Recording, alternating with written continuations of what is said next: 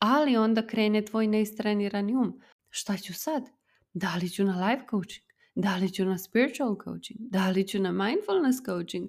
Da li ću na deeper mind coaching? Šta sad da radim? E tek sam sad u problemu.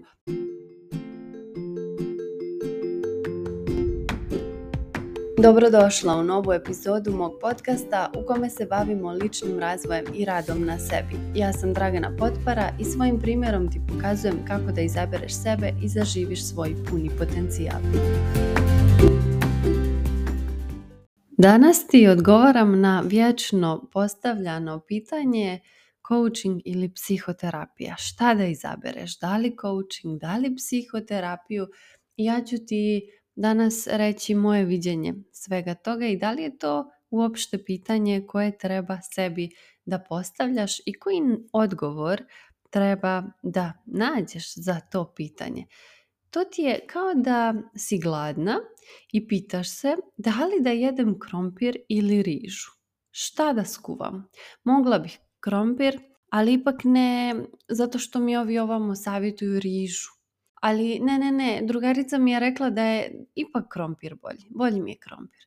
Ma, da, još malo da istražimo krompiru, pošto nisam, nisam baš sigurna. Ma ne znam, ne znam, možda ipak riža. I prođoše tebi tako dani, mjeseci i godine u toj neodlučnosti i u tom istraživanju da li da skuvaš krompir ili rižu i ti osta gladna.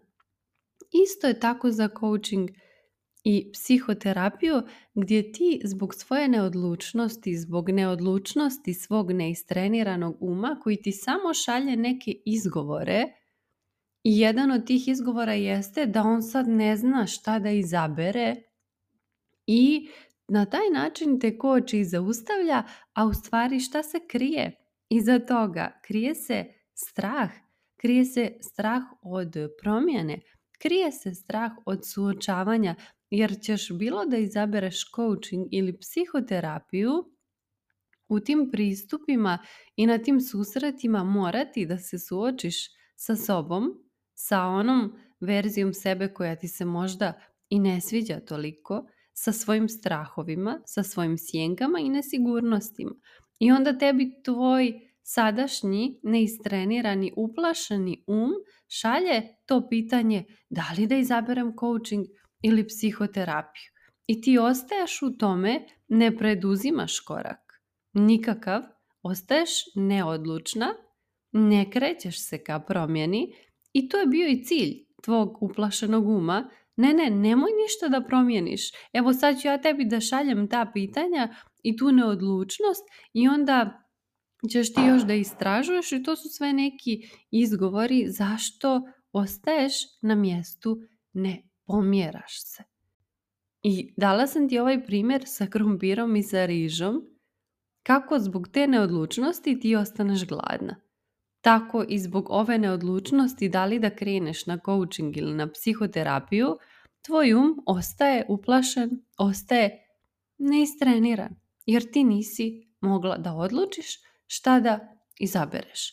A sad moje pitanje tebi glasi zašto ne bi probala oboje i zašto ne bi vidjela šta ti više prija?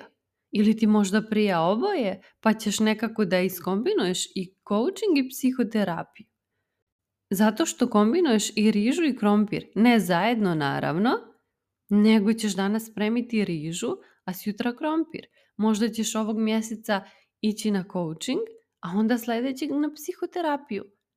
Nemaš ni u psihoterapiji niti u coachingu jedan pristup imaš više pristupa. U psihoterapiji imaš gestalt terapiju, imaš KBT, kognitivno-behavioralnu, imaš transakcionu analizu, tjelesnu psihoterapiju ili somatik, porodičnu i tako dalje i tako dalje. Isto tako u coachingu, imaš life coaching, imaš deeper mind coaching, eh, relationship coaching, spiritual coaching, mindfulness coaching, career business coaching i tako dalje i tako dalje. I zamisli kad bi ti sad sebi počela da postavljaš pitanja, ok, odlučila si da ćeš coaching, da probaš prvo. Ali onda krene tvoj neistrenirani um. Aha, ok, dobro, sad sam donio tu odluku, šta ću sad? Da li ću na life coaching? Da li ću na spiritual coaching? Da li ću na mindfulness coaching?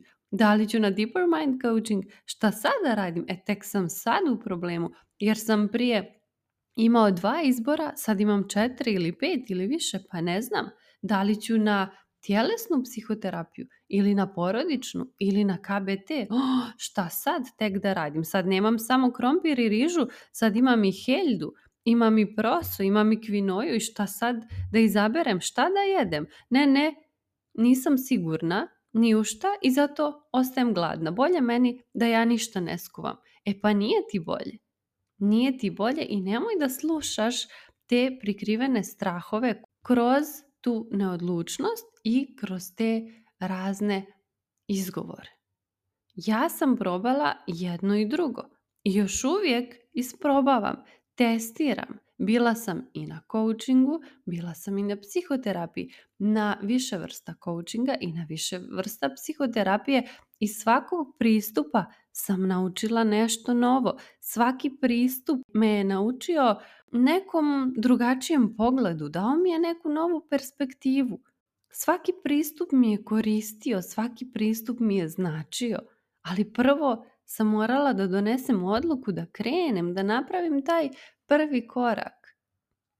I zato nemoj da postavljaš sebi više pitanje coaching ili psihoterapija nego postavljaj sebi pitanje sadašnja verzija mene sa ovim neistreniranim, uplašenim i neodlučnim umom ili nova ja sa ažuriranom verzijom svog uma koji mi neće slati strahove i sumnju i nesigurnosti i preispitivanje svaki put kad treba da napravim neku važnu promjenu u svom životu i svaki put kad treba da preduzmem prvi korak i donesi odluku iz te nove verzije tebe.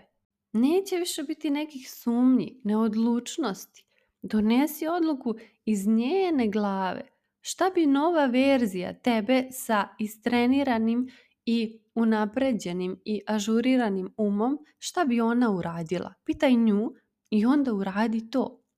Zato što inače sa starim, neistreniranim, uplašenim, neodlučnim umom nikad nećeš imati osjećaj da si spremna da kreneš jer će ti on konstantno slati strahove u vidu ovih izgovora i neodlučnosti. I zato samo kreni, zato što bi i ova nova ti krenula. A onda usput testiraj, probaj, pogledaj koji ti pristup najbolje odgovara, koja osoba i čiji način rada ti najviše odgovara i šta ti od svega toga daje najbolje rezultate. Kako ćeš znati ako ne probaš? Kako ćeš znati ako ne kreneš? Kako ćeš znati da se od tjestenine nadimaš, a da ti riža prija? Nećeš znati dok ne probaš jedno i drugo. I zato proba i jedno i drugo. Zato nije pitanje coaching ili psihoterapija. To više nije pitanje, zato što znaš da je odgovor coaching i psihoterapija, sve dok ne nađeš ono što je najbolje za tebe.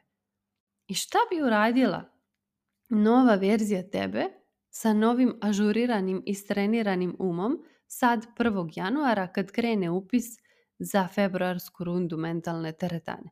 Da li bi se ta nova verzija tebe pridružila programu zato što zna da je to možda najbolja investicija koju će napraviti za sebe ove zime ili bi ostala u neodlučnosti i strahovima ovog starog neistreniranog uma. Nemoj da pitaš svoj sadašnji um, on nikad nije spreman. On je uvijek uplašen, on je uvijek neodlučan. On ti uvijek daje još razloga, to jest izgovora, zašto ne bi ipak trebalo sad da kreneš.